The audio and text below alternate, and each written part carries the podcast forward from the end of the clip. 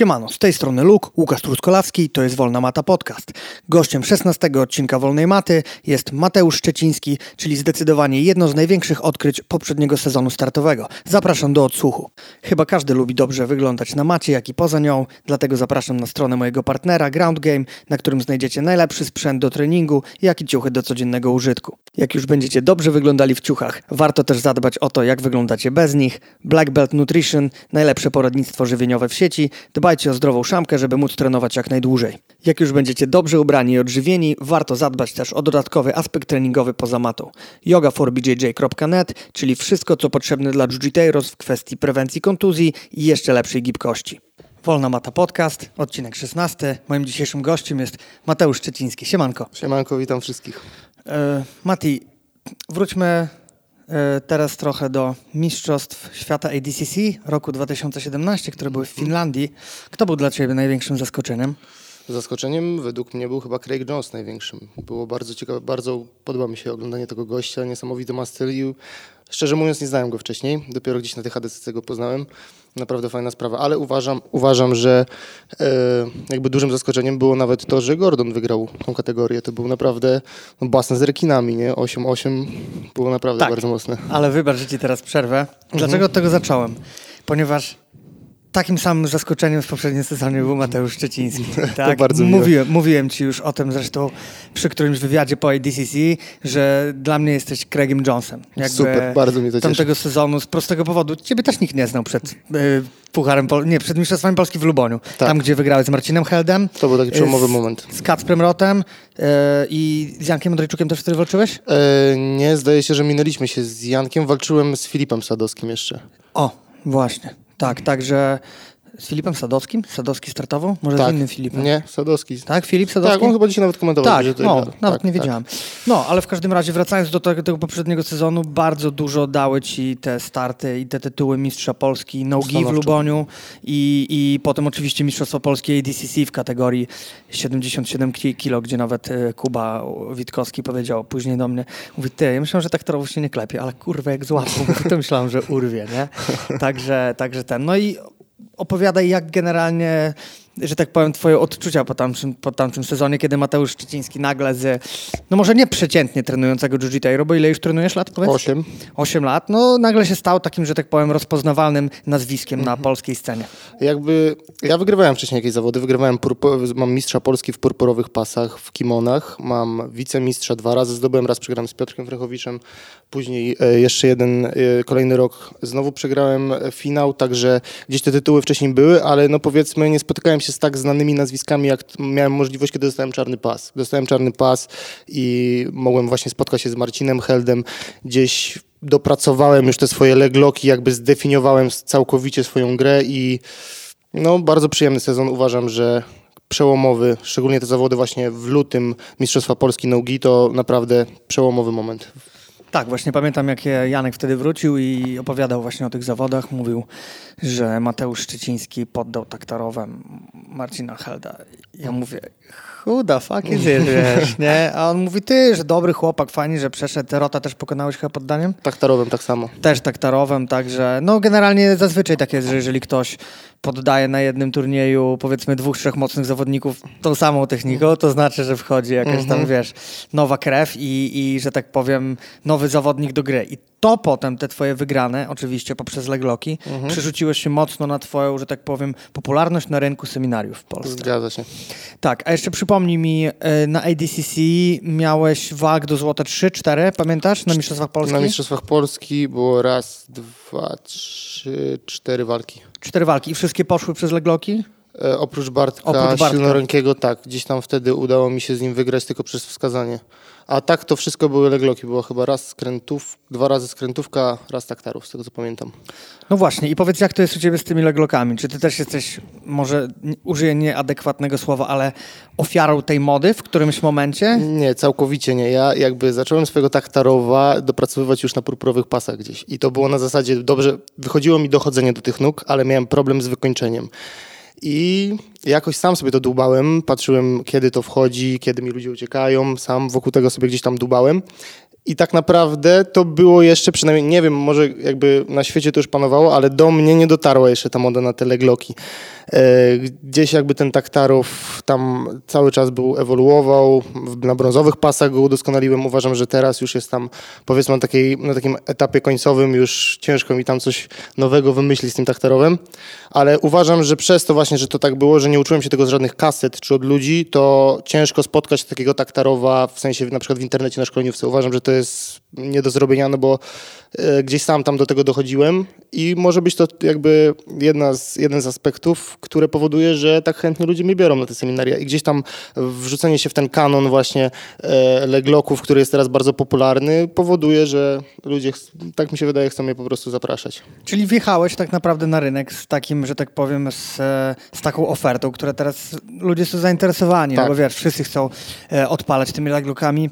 Ja osobiście jestem większym fanem zdecydowanie headlocków, mm -hmm, tak, mm -hmm. różnych tam e, krawatów, e, Zybi okay. ostatnio bardzo dużo tego pokazywał, ale wiesz, to też się dziwię, że na przykład ludzie, którzy się w tym specjalizują, nie mają aż takiej, e, że tak powiem, takiego zainteresowania. Wiesz, że jakby seminarium z legloków mhm. automatycznie przyciągnie ci więcej ludzi, na przykład seminarium z gilotyn. Okej, okay, okej, okay, ale teraz sposób. jak by było, jeśli mielibyśmy zawodnika, który na przykład, któremu udałoby się na przykład poddać wszystkich ludzi na decyzję gilotyną. Uważam, że to też mogłoby spowodować, że tacy ludzie byliby zapraszani, jeśli byłyby to jakieś właśnie ciekawe opcje gilotyn. Ja jednak wydaje mi się, że to jest kwestia y, po prostu tych legloków. Mody.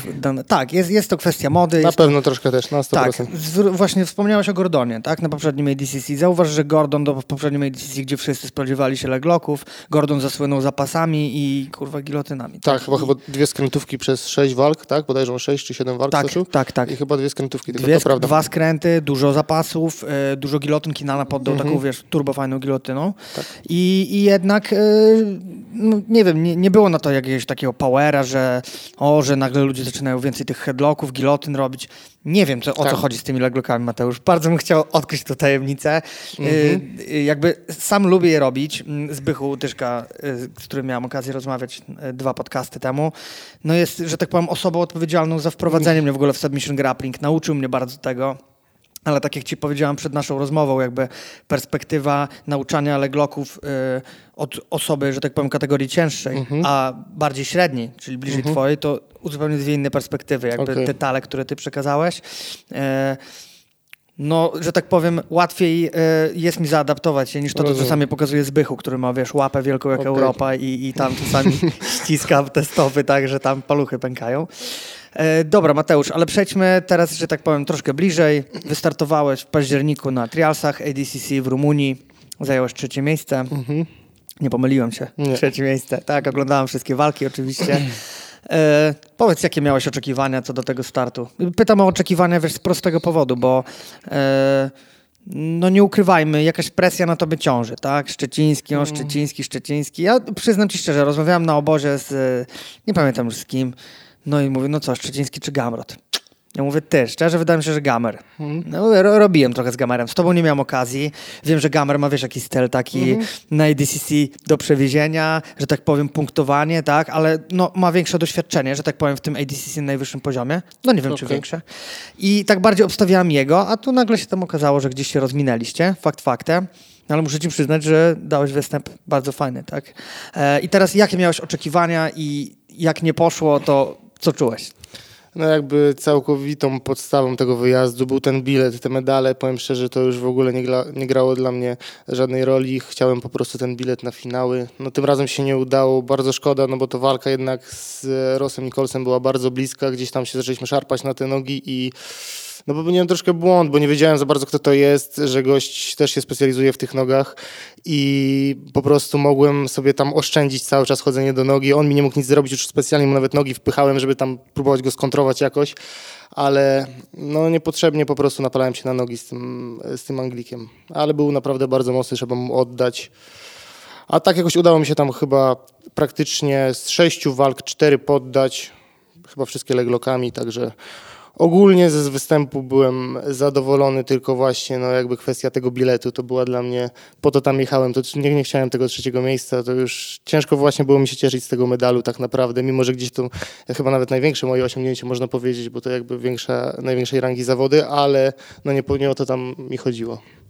No więc tak, wróćmy jeszcze do tego, y, że presja, która ciąży na Mateuszu Szczecińskim, mhm. który wyczyścił tam ten sezon i y, wydaje się, że tak powiem, być faworytem na każdym następnym turnieju. Y, jak, że tak powiem, zmieniło twoje podejście do akceptacji jakiejś takiej porażki? Bo to jest częste, wiesz, duża mhm. presja, nagle przegrywasz, dużo osób się łamie. Już ja nie chcę, nie chcę wychodzić w przykłady za ocean, powiedzmy, typu Ronda Rousey, wiesz, która miała turbo dużą presję, no i mhm. przegrała i po prostu pękła, tak? Nie wiem, jak teraz będzie z naszym ukochanym Konorem, bo mhm. zachował się jak pała, wiesz, no. nie, nie, udzielając ani jednego wywiadu po przegranej z Habibem i nie tłumacząc się w żaden sposób, ale... No tym bardziej, że dużo gadał przed tym, tym, to już tym bardziej powinien ma co tłumaczyć, prawda? No właśnie, to, to nawet nie chodzi o tłumaczenie, tylko takie ludzkie podejście e, typowo do tego, że w momencie, w którym e, walkę, że tak powiem, przegrywasz, zwłaszcza po takim tresztoku, mhm. który rozsiewasz, no to trzeba wyjść z twarzą. Jasne. Trzeba wyjść z twarzą. No tak? No też pytanie, czy po takim tresztoku można wyjść z twarzą. Po takim wiejskim tresztoku, tak. tak. No ale dobra, wróćmy do Mateusza. Jak, że tak powiem, twoje postrzeganie a propos akceptacji porażki się? Jakby tak, na pewno gorzej mi się startuje z perspektywy, lepiej stanowczość startuje się z perspektywy takiego underdoga, nie masz nic do stracenia, tutaj wiadomo, każdy ogląda te walki, każdy śledzi, ale powiem szczerze, że gdzieś to mam, gdzieś to mam w głowie tak poukładane, że to nie jest dla mnie jakieś straszne przeżycie. Ja ze startu na start po prostu skupiam się na kolejnym starcie, gdzieś nie zawracam sobie głowy tymi porażkami, staram się po prostu analizować te walki, oglądać to, co zrobiłem źle, staram się to później przedrillować i bardzo analitycznie podchodzę właśnie do tego typu rzeczy. A po powiedziałeś mi kiedyś, że też wzorujesz się trochę na braciach Mendes. Tak, znaczy wzoruję. Znaczy wzorujesz jarasz się ich stylem i tak. podglądasz, tak? Tak. E, no ale Mendes się więcej robił w kimonkach. Ty Jasne. za kimoniarza, nie wiem, czy jesteś uważany, czy nie jesteś uważany. Robisz dużo w kimonach? Robię, robię kimono cały czas. Robisz kimono cały czas. A czemu ci nie było na MP tydzień temu? E, przez obronę pracy inżynierskiej, jakby za dużo eventów na raz, seminaria, wyjazdy na zawody, za dużo tego wszystkiego było. Musiałem z czegoś zrezygnować, a jakby, że tutaj dostałem ofertę walki w submission, no do, do ADCC jednak przygotowywałem się troszkę więcej bez tych kimon ale no jakby ja nie jestem zawodnikiem, który odstawia to kimono zawsze dwa razy w tygodniu, zawsze jestem w kimonie. Mhm, ale no właśnie miałem cię zapytać o Mendesów. Jak to się zaczęło, że tak powiem, fascynacja nimi i... i... Gdzieś u nas w klubie jest bardzo dużo delariwy i trener pokazuje tę delariwę w postaci sweepów, nie sweepów i bardzo blisko gdzieś z tej delariwy jest do Mendesów, prawda? I to tak się jakoś zaczęło. Berimbolo, ja w 7-6 startowałem gdzieś predyspozycję, uważam, gdzieś do tego mam, jestem dosyć gibki, także bardzo dużo Berimbolo, delariwy, odwrotnej delariwy teraz i stąd ta fascynacja a poza tym no uważam, że technicznie ich warsztat jest gdzieś tam naprawdę na najwyższym poziomie. Dobra, a powiedz mi, jak w takim razie taka fascynacja Mendesami, tak jak mówiłeś, tą Delarivą, tą, mm. że tak powiem, to grą bardziej kimoniarską miała wpływ na te twoje nogi, bo ja jak widzę Mateusza Szczecińskiego, to to jest dla mnie bardziej submission grappler. Okay. I nie poprzez pryzmat twoich, e, że tak powiem, wyników bardziej na arenie, że tak mhm. powiem, submission, tylko po prostu twoja gra, tak jak widzę, jak walczyłeś okay. i, i, ta cała agresja, to jakby nie pasuje mi to trochę, wiesz, do gry kimoniarskiej. Okej. Okay. Uważam, że jest wręcz przeciwnie. To prawda, że jakby ciężko dostosować legloki w kimonach. Jest o wiele ciężej to wyciągać, ale gdzieś tam w tych kimonach urodził się ten mój taktarow, nie w submission. E, a poza tym, no tak jak sam powiedziałeś, inaczej walczą ludzie, którzy są tak zwanymi leg, leg, leg Leglokerami. Dokładnie, e, kiedy są w wyższych wagach, a inaczej to się dzieje u mnie. No ja walczę półgardą, odwrotną delarivą i z tych pozycji najczęściej łapię legloki. Zdarzają mi się motyle, nie motyle, ale to są raczej przepięcia. Zawsze jestem w tych pozycjach typowo takich właśnie, no odwrotna delariva, gdzieś delarivę naprawdę ciężko złapać. To rzeczywiście, to teraz właśnie wracam do tego aspektu, nie ukrywam, że gdzieś już troszkę zmęczony jestem tymi leglokami i teraz na treningach dużo wracam do delariwy. Robię dużo w kimonach, zacząłem po, po ADCC w każdym razie i gdzieś ta fascynacja nadal gdzieś jest tą Delarivą. No ale tak, tak, jakoś uważam, że mój styl świetnie pasuje do kimon pod tym względem, że Delariwy świetnie służą do zajść za plecy, do sweepów, do takich rzeczy.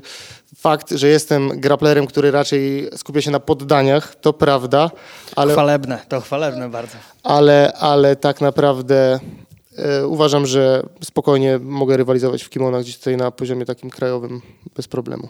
No tak, właśnie dlatego cię zapytałem, dlaczego cię zabrakło, bo kategoria twoja to 8-2. 8-2. Czarne pasy. Tak. Grzesiu Kloc, Maciek Kozek, Robert Henek. Tak, tak. Naprawdę Krzychu Micha Krzyk Michalak też, Chris właśnie startowali mhm. naprawdę super walki. Widziałem, przyznam szczerze, że Kur... no bardzo ciężko jest walczyć z Maćkiem Kozakiem, nie? Tak, Walczyłeś tak. już z nim kiedyś? Miałeś... Nigdy. Nie, nie miałeś okazji, no właśnie. No, to jest, e... myślę, że też fajny sprawdzian będzie gdzieś tam, nie? Super, tak. powalczyć z tymi, z tymi e, zawodnikami czołowymi. E, Mateusz, no ale przejdźmy do chwili, że tak powiem, teraźniejszej. Znajdujemy się w Świetlicy. W Tomaszowie Mazowieckim.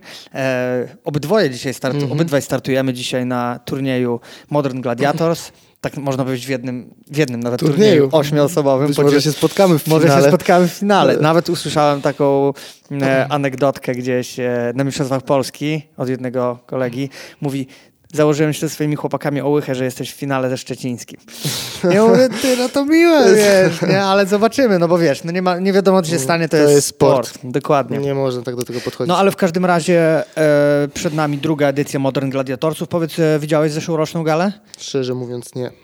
Nagrywaliśmy ją z mojego, y, z mojego telefonu, z narożnika, transmisją, wszystko na takiej dopince, ale muszę przyznać, że mam po prostu dozgonny szacunek dla Michała za to, że wiesz, wkłada swoje serducho i robi to co roku. Mam nadzieję, że ta impreza w kalendarz taki listopadowo-grudniowy wejdzie już na stałe, że co roku będą coraz lepsze eventy. Zwróć, trzeba zwrócić uwagę na line-up, który mamy w tym roku. W tamtym roku był turniej niebieskich pasów ośmioosobowy, no i ten czteroosobowy takich brązowych pasów. No to wiesz, było nas tam czterech brązowych pasów, no wiadomo, Okej. tak? A tutaj, no wiesz, silnoręki, ty, Janek Andrejczuk, Adam Górny, no naprawdę jest... Dzieje się. Dzieje się i miejmy nadzieję, że za rok to jeszcze bardziej że tak powiem, się rozkręci. No, a powiedz, y, długo się zastanawiałeś nad y, zaproszeniem? Czy tak powiem, jak mi Od, razu. od razu zaakceptowałem, jak tylko tam gdzieś dostałem propozycję. Ja uważam, że to jest bardzo fajne przedsięwzięcie. Zawsze, jeśli będę miał możliwość, to będę wspierał takie rzeczy. Uważam, że to przekłada się na rozwój grapplingu w naszym kraju. Gdzieś tam zawsze był ten Ragnarok, zawsze były takie gale, gdzieś to promuje ten sport w bardzo fajny sposób. To nie są tylko typowe zawody, to gdzieś właśnie można pooglądać, gdzieś jakieś zainteresowanie. Uważam, że troszkę większe zb- wzbudza, także jeśli będą takie turnieje nawet w przyszłości, to chętnie się pod tym podpiszę. No właśnie, a czy nie uważasz, że udział w takich turniejach właśnie typu gale, które tutaj jesteśmy, mo- możemy brać udział w nich, nie masz jakby większej zajawki na to? Że jeżeli miałbyś do wyboru na przykład wystartować na turnieju czy na gali, to gdzie byś wolał wystartować? Eee, no, zależy jeszcze. Od rangi, tak? No Tak, oczywiście. tak, no. tak. Ale powiedzmy, że tutaj jedziesz na turnieju, masz szansę do wygrania, że tak powiem, sianko. A możesz jechać na eBay JTF, Okej. dostać pietruszkę nie, i medal. nawet nie ma, nie ma jakby o czym mówić. To ja- jasne, że takie gale są o wiele ciekawszym jakby rozwiązaniem. E, dobra, Mati, to powiedz mi jeszcze jedną rzecz. E, przygotowania do Mistrzostw Europy ADCC, Mhm. kiedy zacząłeś, jak przebiegały, czy wyjeżdżałeś gdzieś, bo kalendarz masz teraz bardzo napięty. Tak, no ja przygotowywałem się w Ronin Gold Team Koszalin tak jak zawsze. Yy, no gdzieś dużo, bardzo dużo wyjazdów miałem na seminaria i traktowałem te seminaria, mimo że to jest naprawdę męczące zajęcie jeździć po całej Polsce co weekend, to traktowałem te e, seminaria jako takie właśnie sprawdzian przed tymi Mistrzostwami Europy, bo nie dość właśnie, że tak jak pisałem zresztą na wasz portal, to wymaga, seminaria wymagają głębokiego, takiego analitycznego podejścia do jiu-jitsu. Trzeba pokazać koncepcję, nie mogę pokazać trzech technik z pietruszki po prostu, tylko muszę zachować jakby całą koncepcję, przeanalizować dlaczego to mi wchodzi, dlaczego to robię, dlaczego tak się dzieje, żeby to ludziom przedstawić w jakiś zrozumiały sposób. To naprawdę rozwijało, uważam, mentalnie tak pod kątem jiu-jitsu. No a oprócz tego, no, pełno osób z czołówki naszego kraju przychodziło na te seminaria i gdzieś tam po seminariach zawsze się kulaliśmy i to pokazało mi gdzieś tam, gdzie mniej więcej na tej mapie jestem w polskim jiu-jitsu. Czyli powiedz, dobrze ci się żyje teraz. Obecnie dobrze, tak. Obecnie dobrze, tak? E, tak jak rozmawialiśmy, nie żyjesz wyłącznie z jiu-jitsu Nie, na chwilę obecną. Nie uważam, że jest to bardzo ciężkie do zrobienia.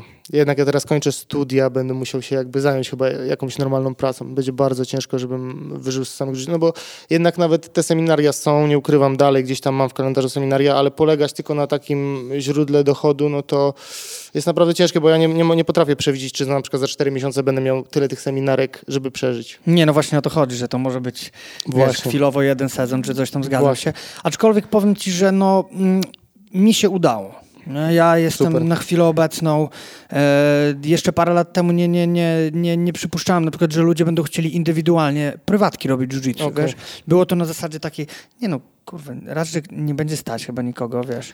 Mhm. A tutaj nagle się okazało, że jest na to popyt, wiesz, i, i wydaje mi się, że jesteś jakby na dobrej drodze, żeby gdzieś tam do tego dojść, Mateusz, nie? Okej, okej. No, Chyba, że tak jak mówiłeś, pójdziesz po studiach po prostu gdzieś do normalnej roboty, co też jest niesamowicie dużą wartością, ponieważ uczy nas odgraniczać trening i naszą życiową pasję od y, takiego zarabiania zwykłego Jasne, pieniędzy na jasne. życie. Nie? Jakby ja powiem ci, że już po półtorej roku jakichś takich treningów, że tylko miałem prywatki, wieczorami treningi, do tego dzieciaki, ja się wypaliłem. Ja miałem, rok Okej. temu już miałem taki motyw, że myślę, ty, jebać to jiu-jitsu. No serio, nie chce mi się. Po prostu czuję przesyt codziennie, Okej. wiesz, 10 rozgrzewek prowadzić. Rozumiem.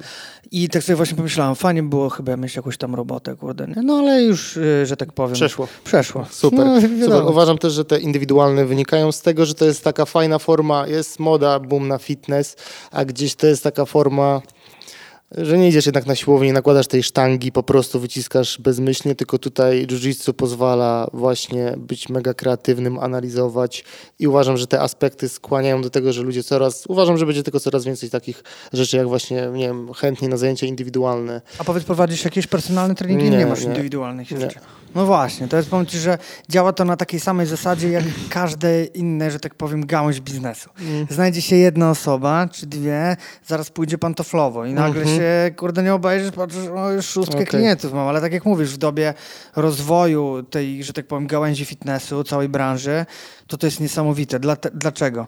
Ponieważ przede wszystkim oprócz tego, że zmienia, zmieniasz ludzkie ciało, Mhm. tak? Uczysz go jakichś nowych umiejętności, to jeszcze zmieniasz komuś pod kopułą bardzo dużo. Tak, tak. O tyle jak wyciskanie. Oczywiście nic nie ma. Nie, nie jest to przytyczek żaden w stronę crossfitu czy Mhm. treningu funkcjonalnego, ale jednak kiedyś e, z kimś kulasz, odpalisz kogoś Mhm. kilka razy, komuś pójdzie lepiej, to jakość myślenia się zmienia. Nie? Te endorfinki jednak tak jakoś, tak jakoś działają. A powiedz, e, tam w Koszalinie prowadzisz zajęcia u siebie jakieś? E, Zdarza się sporadycznie, raczej się trener Sylwester tym zajmuje. Ja Wszystkie gdzie- zajęcia prowadzi trener? Tak.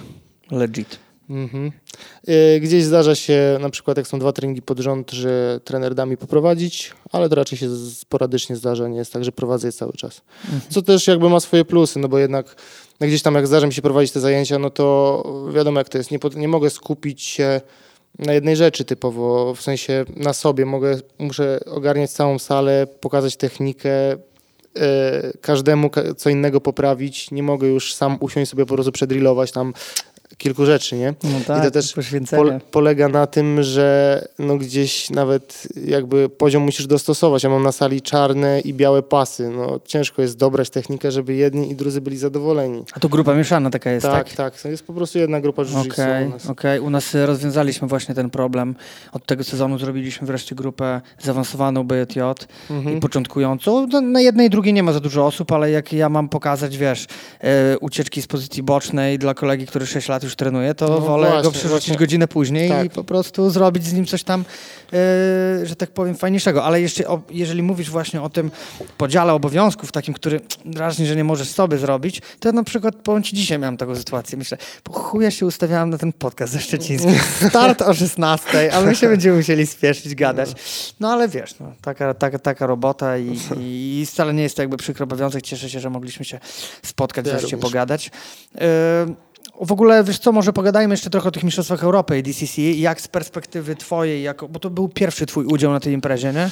Nie byłeś wcześniej na Mistrzostwach Europy żadnych, E, Byłem, byłem jak były w Polsce. Przegrałem kiedyś w Polsce. Co było Poznaniu? Tak, tak? tak. A z kim przegrałeś e, wtedy? Z Bradleyem Hillem bodajże. Bradley Hill jest, Tak. z Gracie Barra. Tak, No, dokładnie. doświadczony chłopak. Tak, ale wtedy gdzieś właśnie te jakby wtedy dopiero gdzieś tam definiowałem tą swoją grę związaną z dźwigniami na nogi i te skrętówki nie były jeszcze na takim poziomie jak są teraz i gdzieś no wpadłem w skręta po prostu. Wpadłeś mu w skręta, tak? Tak, tak. No, na tych pamiętnych trialsach też e, Zbychu chyba odpadł przez Tak, skrętówę. dokładnie. No niestety, taka jest, kurde, taka bolączka tych legloków, Mhm. że kombinujesz i gdzieś tam się... Zawsze zostają, jeśli ktoś atakuje legloki, zawsze zostawia chociaż w minimalnym stopniu te nogi. No, no, dlatego, dlatego trzeba być bardzo ostrożnym, zwłaszcza przy specjalistach. No dobra, to powiedz, jak organizacyjnie w ogóle ta impreza w Budapeszcie się udała? Przepraszam, w Bukareszcie. W Bukareszcie tak, wszystko super, nie no, tam generalnie byłem bardzo zadowolony. Jedyną rzeczą, na którą mógłbym tak, jak już bym się naprawdę e, ponarzekać tutaj, no to było to, że walki były w strasznie dziwnych rozstępach. Pierwsze walki miałem, pierwszą walkę miałem, e, a między pierwszą a drugą walką był bodajże dwie czy trzy godziny przerwy. A później za to, jak wychodziłem do Anglika, no to miałem bodajże 15 minut przerwy. No i te rozstrzały były dosyć dziwne, ale wszystko było przejrzyście, wszystko było wyświetlone mniej więcej tam e, na tym Smooth Camp, jeśli się nie mylę. Smooth Camp, tak, tak, tak, tak, dokładnie. To tam było wyświetlone, o której są te walki, także to nie było tak, że nie wiedziałem, że będę miał tą walkę za dwie godziny, ale no gdzieś te rozstępy jednak, no są przyznaj duży, duży rozstęp, dwie godziny między No walkami. dwie godziny to od cholery, można wystygnąć i się zanudzić. Dokładnie. No i też robić trzy rozgrzewki bodajże na zawodach, to jest... No, No. ale każdy, każdy jest postawiony w tych samych warunkach, także, także No ja nie tak- ma co narzekać. Ja się zastanawiałem, wiesz, na tej jakby często taką istotą tych mistrzostw Europy i DCC, ponieważ dwa lata temu, jak byliśmy, byliśmy w Mainz w Niemczech, Mhm. zrobiliśmy sobie bardzo fajny trip z chłopakami. Janusz wtedy zresztą Mhm. wygrał 66 Tak, kilo. tak, pamiętam. E, to, to jakieś było sali gimnastycznej. Jakby, wiesz, tak e, przechodzą takie, jakby myślisz, że myślisz, kurwa, niby Mistrzostwa Mhm. Europy, niby potentat, wiesz, Abu Dhabi Combat Club, w ogóle, a tu jakby, no nie wiem, wydaje mi się, że pewne normy jakby nie są tam e, ustalone, tak jak powiedzmy jest to na IBJJF-ach, tak mi się wydaje, nie? Nawet jakiś tam kolor mat, coś takiego, że ten ca cały wystrój jakby... Okej, to tak, to akurat fakt. Ja No. może tam nie zwracałem uwagi na takie detale, ale to jest fakt, że ta sala jednak to nie było, nie, no nie był górnolotny obiekt jakiś, nie? To gdzieś była taka zwykła sala, po No prostu tak, te, trybuny z jednej strony. No, no. I, no ale to też może wynikać, no ile zawodników startuje na takim ADCC tak naprawdę. Na Masz Mistrzostwach kategorię, Europy ja nie, nie wiem, ile teraz Kat- było.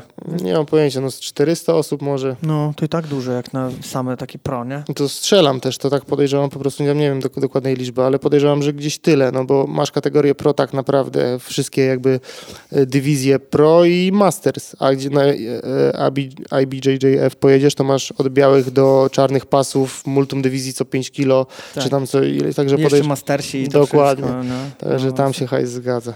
No to by do Mastersów jeszcze daleko chyba, co? Ojej, mam 24 lata skończone dopiero.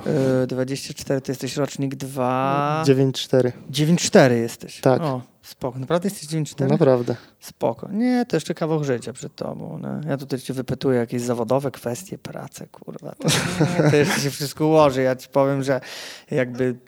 Ale ty masz 24 lata i masz czarny pas, gościu. To jest, kurde, wiesz... Tak, tak. To jest inna, no właśnie, no właśnie, to może to jest kwestia do omówienia. Bo ja na przykład mam 32, proszę pana, przepraszam, 30, co ja mówię, 32 i jeszcze nie mam czarnego pasa. Okej, ale ja też wywodzę się z chwili gdzieś od Mariusza Linkę, gdzie, e, gdzie on pierwszy ten czarny pas dostał i uważam, że no jednak kurde, troszkę krótszą drogę mogłem mieć niż ty. Przez właśnie to, że Gold Team był pierwszą filią tak naprawdę w Polsce, Mhm. gdzieś to jiu-jitsu zaczęło stąd dopiero powstawać. Uważam, że to mogłem mieć troszkę drogę na skróty, jeśli o to chodzi. Okej, a zacząłeś trenować jak ile miałeś lat? 15. Uuu, to byłeś już, a powiedz, startowałeś jak byłeś takim, że tak powiem, małolatem? Nie za dużo. Nie za dużo. Nie. Mm, Jakoś Po prostu trenowałeś, tak? Tak, tak. Trenowałeś i, a kiedy zacząłeś startować? Zacząłem startować gdzieś powiedzmy, no miałem jeden start bodajże na juniorach, ale niebieski pas Ale nie urwałeś nikomu kopyta tam. nie zdarzyło się. Nie zdarzyło się. Niestety. No. Czyli od niebieskiego pasa gdzieś tam startujesz, no. A Tak, mówiłeś, że z Piotrem Frankowiczem miałeś okazję walczyć, z Gumisiem? Tak, A z tak, tego co wiem, to ty też masz krzy- ksywę Gumiś. zgadza się. No. Tak, to się miało Gumiś versus Gumiś. No Tak. i ile mieliście potyczek? Dwie bodajże, bo, tylko że to jakiś czas temu. Mieliśmy, dwie przegrałem z nim tak naprawdę. Z Mhm. Piotrkiem przegrałem w purpurowych pasach e, przez trójkąt i później w kimonach z nim przegrałem. A widziałeś teraz jego finał z Mistrzostw Polski? E, finał, Z Karolem Dzińszewskim miał. o widziałem, tak. Niesamowite. Bardzo, Bardzo, bardzo mocny, bardzo mocny jest teraz Gumiś. Naprawdę wrócił po tej, wiesz, kontuzji nieszczęsnej, co mu się zdarzyła rok temu w Finlandii. mhm. I, I muszę ci przyznać, że no, była moc, była moc. Widać Super było, że kibicuję. ciężka, ciężka gra jest, nie? Jeżeli chodzi, jeżeli teraz możemy pogadać o, Mm. o Gumisiu trochę, to jakby z, z perspektywy mojej, wiesz, gra kogoś gibkiego z długimi nogami, kto jeszcze wiąże tymi lapelami, bo Mhm. on bardzo dużo teraz, wiesz, idzie w taką grę, to to jest kurwa męczarnia. Dla klasycznego jiu-jitsu, półgarda, presja to jest, to jest Tak. męczarnia, ale wielki szacunek powiem ci też dla e, trenera Bagińskiego Mhm. za start w adultach, za start w mastersach. E, krótki wywiad miałem okazję z trenerem zrobić. No i kurde, Mhm. wiesz, nie? No, trener chyba Bagiński zawsze startuje, prawda? Zawsze, Tak. zawsze, zawsze o to Tak. chodzi, zawsze jest wjazd i wiesz, jest przede wszystkim niesamowita energia od kogoś, że jakby fajną rzecz powiedział, że Mistrzostwa Polski są takim świętem, na którym niezależnie od formy powinniśmy być, stawić się i po prostu sprawdzić się i. Okej. I już zarządziłem u siebie w klubie, że po prostu za rok jest terror, nie? Kto trenuje regularnie, ten jedzie. Ja nie mówię o Okej. kimś, kto wrócił po kontuzji i trenuje miesiąc. Ale No nie uważasz, że powinno być tak w klubie na przykład? Nie wiem, jak jest u was. W ogóle jaki trener ma podejście do zawodów? Mówi powiedzmy, kto jedzie i te osoby jadą, czy nie? Nie, nie. Raczej jest tak, że jak jakieś zawody się zbliżają, to gdzieś tam... E, Dyplomacja jest. tak, tak, ale gdzieś mamy taką grupkę zawodników. U nas jest, na, mamy naprawdę spory klub jak na taki koszalin. Mamy, zdarza się, że w poniedziałek mamy po 50 osób na macie. Także naprawdę... E, Zazdrość przeze mnie przemawia. teraz. No. Ale ja, mamy kilku zawodników, którzy startują regularnie i tak no, na przykład mnie nie trzeba namawiać, żebym startował na jakichś zawodach. Jak gdzieś sam sobie te starty wybieram, sam gdzieś tam, a trener pomaga nam się przygotowywać po prostu. No i to super, tak powinno być, chociaż e, z jednej strony, wiesz, ja uważam, że też zbytnia taka pobłażliwość. No, Mhm. Pojedziesz na zawody? Może pojedź, co? Wiesz, fajnie, dużo trenujesz. No nie wiem, nie wiem. Wiesz, proszenie kogoś o to, Mhm. co powinno być wyróżnieniem. Mhm. No to tak mi się wydaje, wiesz, jakby do mnie trener podszedł i powiedział, słuchaj, mo- może chcesz na zawody jechać. To bym kurwa stanął na baczność i Tak, powiedział, oczywiście zrobię wszystko, co w mojej mocy, żeby po prostu jak najlepiej zawalczyć. Tej mentalności może nie, nie wiem, czy już nie ma, bo też nie chcę mówić, że jestem jakimś oldtimerem, chociaż już tą dychę trenuję, tak, jestem na macie. Mhm. Pamiętam, że moje pierwsze zawody zrobiłem po pół roku treningów. Nie wiem, czy pamiętasz Ligę w Skale, jak jeszcze się odbywała? Tak. No właśnie, Liga BJJ w Skale 2009 i to było po pół roku. I pamiętam, że po prostu chodziłem, trenowałem regularnie i trener się zapytał, czy jadę na zawody z nimi. Ja mówię, jasne, oczywiście. Pojechałem, dostałem w dziurę w 45 sekund. Ty mnie poddał trójkątem, ale wiesz, jakby... A teraz ja ci powiem, że mam problem, nie? Znaczy, Mhm. mam, m, znaczy problem jest w tym, żeby w ogóle... Ja nie chcę prosić ludzi o te zawody. Mhm. Ale to też chyba nie na tym powinno polegać, no bo zawody to jest też coś takiego, ludzie po, powinni po prostu zrozumieć, że je- jeżdżąc na zawody robimy tak naprawdę drogę na skróty, którą musielibyśmy pokonać po prostu trenując i kulając się cały czas tak. z tymi samymi ludźmi. To jest całkowicie co innego, jak trzeba walczyć pod stresem z gościem, który chce ci po prostu, wychodzi do ciebie gość, który chce ci urwać głowę, rękę albo nogę i po prostu wiedzie w ciebie na 100%. To jest całkowicie co innego niż walka na treningu i dopóki ktoś nie pojedzie na takie zawody, nie zobaczy jak to wygląda, no to wydaje mi się, że ciężko mu jakoś przetłumaczyć po prostu, że warto i, i tyle. Tak, i to jest to wychodzenie poza tą tak zwaną, wiesz, strefę komfortu Mhm. i wiesz, to też jakby, to nie tyczy się jedynie zawodów, ale wydaje mi się, że jest tego typu kwestia, że na przykład zachęcić ludzi, żeby pojechać na spary do innego miasta, Mhm. na seminarkę, nie w niedzielę wyspać się i tam o rano, wiesz, kacyka mieć czy coś, Jasne. tylko po prostu poświęcić jeszcze jeden dzień na trening w innym mieście. I to tak Mhm. powolutku widzisz, że jeżeli osoby się angażują, chcą jeździć, bo sam wiesz, ile Mhm. dają wyjazdy. Jasne. Wyjazdy dają wszystko i nawet te kwestie, że wiesz, pojedziesz na seminarium, spotkasz Mateusza Szczecińskiego, który ci pokaże taktarowa, zaczniesz go sobie robić potem tego taktarowa, potem może ci wejdzie na zawodach taki taktarow. Jasne. Ja jeszcze raz mówię, wrócę do Janka Andrejczuka, jak pamiętam, zrobił pierwszego japońskiego krawata na jakimś tam Luboniu, no to oznaczył Zybiego w tym No. filmiku, nie? No bo wiesz, no nauczył nas tej, tej techniki, Rozumiem. więc, ale to też wszystko spowodowało, że chcesz robić jeszcze więcej, nie? Mhm. I tak jak mówisz, walka e, pod tym, wiesz, e, stresorem całym, że się denerwujesz, że ten, że wiesz, o Jezu, co to będzie, jakby cała otoczka tym spowodowana powoduje, że idziesz Mhm. level wyżej, nie? Jasne. Ale dlaczego ludzie tego nie chcą robić? No. Nie wiadomo. No być może to właśnie ta strefa komfortu, jednak nie każdy się dobrze czuje, nawet widać na treningach, jak ludzie walczą. Są ludzie gdzieś tam mają jakiś zdefiniowany styl, ja widzę nawet u siebie w klubie, że jak ktoś gdzieś jest, ktoś gdzieś jest dobry w jakimś aspekcie jiu-jitsu, to nawet na treningach stara się walczyć tylko tym aspektem. Rozumiesz, o co mi chodzi? Tak, tak, tak, Że po jasne. prostu, no to jest miejsce, gdzie powinieneś próbować innych rzeczy, nawet niech ktoś cię tam podda, zgniecie, ale no gdzie, jak rozwinąć jiu-jitsu, jak robisz tylko to samo, to będziesz szlifował te swoje takie najmocniejsze narzędzia i tylko tyle, ale żeby rozwinąć to, no to jednak trzeba dać się trochę popoddawać, dać się poprzechodzić. To takiego No założenia właśnie wychodzę. i to mi się podoba, wiesz Mateusz, że z perspektywy twojej, jako powiedzmy 24-letniego gościa, ty poprzez regularny trening, który zrobiłeś, poprzez drogę, którą przeszedłeś, ty masz w głowie takie podejście, tak jak ty mówisz, dać się zgnieść, dać, się, dać się poddać. Rozumiesz? Czyli Mhm. tu właśnie znowu wchodzi w grę to ego. Tak, że nie zawsze, kurde, w tym jiu-jitsu jest, wiesz, że wciągnę do delariwy, sweepnę do dosia, do Mm. wejdę balachę. Nie, okej, masz opanowany ten schemat, ale musisz próbować. Jasne. I, i, i, I te próby tak naprawdę są kluczowe, no, tak jak mówisz. A jeszcze miałem się cię zapytać, jak powiedz z perspektywy, że tak powiem, tak młodego wieku y, odczułeś y, tą nominację na Czarny Pas? Kiedy to się stało w ogóle? Opowiedz o całej okoliczności, kiedy Okej. Mateusz Szczeciński Za- dostał czarny pas. Zapamię- jakby pamiętaj, że ja jestem z Gold Teamu, także mnie przy czarnym pasie czekał samuraj test. Także to nie było takie jakby e, wydarzenie, że po prostu byłem szczęśliwy, tylko gdzieś tam się troszkę denerwowałem tym. I no tak to troszkę odbiera właśnie tej całej ceremonii. Uważam e, u nas w klubie ten sam... Ja nie wiem, co to jest samuraj test, Nie? musisz mi powiedzieć. E, Po prostu masz pasowania na każdy pas, prawda? U nas się zdarza, że stoisz pod ścianą, jesteś pasowany, tak. Po prostu pręgierz. A na czarny pas jest coś takiego po prostu, że wszyscy wychodzą z sali, zostają tylko czarne pasy. No i za bardzo nawet nie, nie powinienem mówić, co tam się dzieje, nie? Rozumiesz? Okej. Nie, właśnie, no, no, no, no, okej. No, i- no i na tym to polega. I to gdzieś bardziej właśnie owiane jest taką tajemnicą dosyć to mianowanie. I no jak wiesz, to nie, ciężko po prostu, bardzo się cieszę, że dostałem czarny pas, to było moje, marzenie, odkąd zacząłem trenować, to było naprawdę wielkie wyróżnienie, ale gdzieś ciężko było mi się cieszyć do końca z tej chwili, bo miałem z tyłu głowy, że zaraz mnie wpierdol po prostu czeka, nie? Okej, okej. No ale to jest, e, że tak powiem, testowanie na niebieski pas już jest raczej taką zanikającą tradycją gdzieś, nie? Bo Mhm. ty, bo tak jak mówisz, że wiedziałeś, że czeka cię test, czyli czy spodziewałeś się tej nominacji? Zostałeś o tym jakoś poinformowany, że będziesz, e, że tak powiem, trener ci coś powiedział? E, Gdzieś tam chłop, o, może trener, nie pamiętam czy bezpośrednio trener, gdzieś do mnie jakieś e, pogłoski dochodziły, że mają być nominacje i że mam być po prostu jednym z nominowanych, nie? No to gdzieś tam się dowiadywałem, nie, chyba nie od trenera, bo u nas Jasne. trener lubi sobie właśnie tak na przykład przytrzymać, wyciągnąć kogoś, e, zaskoczyć. Mhm.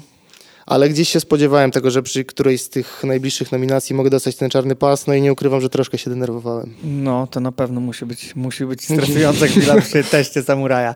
No i że tak zapytam wprost, e, czy po tym całym, że tak powiem, poprzednim sezonie i po tej nominacji jakby na czarny pas trochę, że tak powiem, sodóweczka nie odbiła ci, że taki się poczułeś bardziej, że tak No to wiesz. chyba nie mi, nie mi oceniać. No nie wiem, ja się staram być zawsze taki sam. To nie powinienem chyba ja oceniać, tylko bardziej ktoś, kto z boku patrzy, mógłby jakby powiedzieć, czy mi sodowa nie odbiera. Nie wydaje mi się, ale no nie, Nie, no jak tak z tobą siebie- rozmawiam, to tak wiesz, też, też jakby tego nie odczuwam, tylko e, wiesz, no niektórzy mają jakieś tam refleksje e, wobec siebie i Mhm. mówią, że ty no to się zmieniło, zauważyłem, że wiesz, coś tam, że, ale tak jak mówisz, e, jakby jeżeli nie, nie zauważasz żadnych zmian, nie poczułeś się jakby Gordonem Ryanem, który jest pierwszym teraz kabareciarzem Nie, Instagrama. i mam nadzieję, że z boku też to tak nie wygląda. Nie, nie, nie, nie, nie, nie. Także, także wszystko fajnie. No a e, powiedz mi, co myślisz w ogóle o tego typu zachowaniach, e, jak kurde Gordon Ryan prezentuje na social mediach. W ogóle o trash talku, bo o tym też zaczęliśmy trochę Okej. rozmawiać i wydaje mi się, no właśnie też w kontekście tego, co ci mówi, dlaczego się zapytałem ciebie o tą sodówę, bo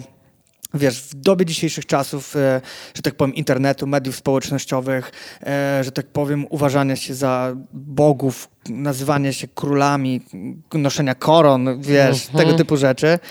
E, młodzi ludzie często, że tak powiem, chłoną to, tak? Dlatego się ciebie o to zapytałem. E, oczywiście nie to, że wiesz, ja coś zauważyłem, tak? Tylko chciałem znać twoje przemyślenia i teraz widzisz, co się dzieje z Gordonem na Mhm, przykład. tak, nie? widzę, widzę. Jakby ja uważam, że wszystko jest ok, dopóki gdzieś to jest naturalne. Gdzieś Conor na tych pierwszych nawet, ty, nawet e, jakiś tam... że- Conor, o Gordonie mówimy, ale o Conorze mówisz. Okej, dobrze. tak, to nawiązuje do Conora jakby, że gdzieś na początku to było zabawne, mnie to śmieszyło jakby, gdzie jak to było naturalne, okej, ale jak takie rzeczy robi się na siłę, jakieś właśnie wychodzenie w koronach, czy on pisał nawet, widziałem e, Gordon Ryan już teraz, sorry, że tak skaczę, ale Gordon Ryan widziałem, pisał nawet z Cyborgiem tam coś, prawda, na Instagramie, afera. nie podobają mi się, A szczerze widziałeś, mówiąc, co takie rzeczy. napisał do Cyborga? E, widziałem tylko, że Cyborg coś odpowiedział, nie pamiętam konkretnie. Tak, a się zaczęło od tego. Ja w ogóle też zobaczyłem akcję całą w tamtym tygodniu, wiesz? e, Gordon wstawił e, listę startową z Mistrzostw Że mają no, zostać w domu, tak? Coś takiego. mają zostać w domu, ale potem w komentarzu napisał gorszą rzecz. Ktoś się go zapytał, jak planujesz poradzić sobie z Cyborgiem, kiedy nie możesz robić skrętówek, nie? A on napisał, że wejdę do dosiadu i odpalę go jak dziecko, nie? Mm. Po angielsku. nie? Mhm. I will submit him like a baby, coś tam. I o to chodziło dla Cyborga. On, że on napisał, też fajnie napisał taką rzecz, że twój trener dawno powinien cię nauczyć szacunku. To był też ps- psztyczek w stronę Danachera według mnie trochę, gdzie Mhm. wiesz, Danaher jest taki, wiesz, niby tradycjonalista i w ogóle wszystko, a tak czasami mi się wydaje, że kurwa nie potrafi okieznać trochę tego Gordona, wiesz? Mhm, bardzo, bardzo możliwe. No nie wiem, ja uważam, że e, uważam, że coś takiego jest raczej negatywne i nie popieram czegoś takiego w sporcie. Typowo jeszcze w naszym sporcie, gdzie wychodzi, nie wiem, Buczecza z Leonardo Lo i zwichnął sobie bark Leonardo Leonardo, a on oddaje mu gdzieś tam chyba któryś to już był naprawdę Tak, tak, tak. absoluto, mógł być chyba, nie wiem, dziesięciokrotnym, nie wiem, jakimś tam mistrzem świata, wolał oddać to koledze, no to patrząc z perspektywy właśnie Gordona, który wychodzi w koronie, a gościa, który potrafi, nie wiem, dziesiąty tytuł, który tak naprawdę będzie legendarny już, Mhm. e, oddać koledze, bo zwichnął bark, no to ja się skłaniam raczej tutaj do buczeczy. No tak, to jest tak właśnie e, bardzo fajnie skomentował to wiesz e, Cyborg, który napisał, że no wiesz, ten to jest sport, który uczy szacunku, który przede wszystkim macie uczyć szacunku do przeciwnika i a wiesz, no takie przewózki, no nie oszukujmy się, no ja tak jak mówiłem zawsze, gdyby nie Instagram, gdyby nie Facebook, tylko umiejętności by się liczyły, pamiętaliby tylko twoje tytuły. Tak, tak. Wiesz, no byłyby media, ale wątpię, czy było, aż, byłoby aż takie nasycenie. To teraz wyobraź sobie, że powiedzmy dalej istnieją tylko media typu strony www, które robią wywiady z e, powiedzmy, no redakcje zwykłe, tak jak było kiedyś, jak jeszcze nie było Facebooka ten, że robią tylko wywiady i taki zawodnik ma okazję pięć razy w roku się wypowiedzieć, po jakichś turniejach, nie? To i wyobraź sobie, czy będzie odpierdalał taką komedię. No nie, pewnie No nie, a tutaj wiesz, ja widzę, ja widzę na przykład Gordon odpisuje każdemu. tak, Każdy tak. do niego pisze i on Tak. każdemu odpisuje. I ktoś specjalnie, no wyobraź sobie na przykład, jak ktoś ma taki lekko dziennikarski charakterek, nie? Mhm. I specjalnie zada mu takie pytanie, żeby on komuś tam pojechał i pocisnął. No i on jak na widelcu oddaje to Mhm. Jasne, wszystko. jasne. Wiesz, taki cyborg też to czyta i Mhm. podejrzewam, że środowisko to czyta i tak kurwa pozostaje niesmak. No. Uważam, że bardzo dużo odbiera to właśnie Gordonowi, bo jeśli byłby po prostu skromnym, jakby pełnym szacunku gościem, no to zyskałby dwa razy na tym gdzieś to. Tego osiągnięcia mi się troszkę rozmywają i no... Ja nie ukrywam, że mi, tak jak Zybi nawet mówi, mi też się ciężko słucha tego Dana Hera, a jak właśnie oglądam Gordona teraz, to też naprawdę jest coraz gorzej. Nie? Jest coraz gorzej, zgadza się, jest coraz gorzej, bo jest narcyzm, wiesz? Mhm. Ale wydaje mi się, że to jest też duża ilość towaru, którą bije Gordon. Bardzo Na możliwe. 100%, bo wysokie, wiesz, poziomy teścia powodują, że kurwa jesteś nieśmiertelny, nie? I wiesz, i on, on twierdzi, że on nie, nie, że on nie wali. No ale wystarczy na niego spojrzeć i jego Twierdzi. kobitkę, też którego karmi cały dzień, wiesz, która jest. Nie. nie wiesz, nie widziałeś jego? To pokażę ci zaraz na Instagramie. O człowieku, dzieje się to naprawdę dobrze. Dobra, Mati, zbliżamy się do końca. Za 45 minut rusza relacja na kanale YouTube Grappler Info, ale to wyjdzie za dwa tygodnie, więc Tak, tak. tak, ale będzie do oglądania na żywo. Znaczy będzie do oglądania już zawsze na naszym YouTubie. Super. Z komentarzem Gonza, Grzesia Kowalczyka. Mati, dziękuję Ci serdecznie. Dzięki bardzo. Powodzenia życzę dzisiaj. Nie dziękuję, pozdrawiam również. Pozdróweczka.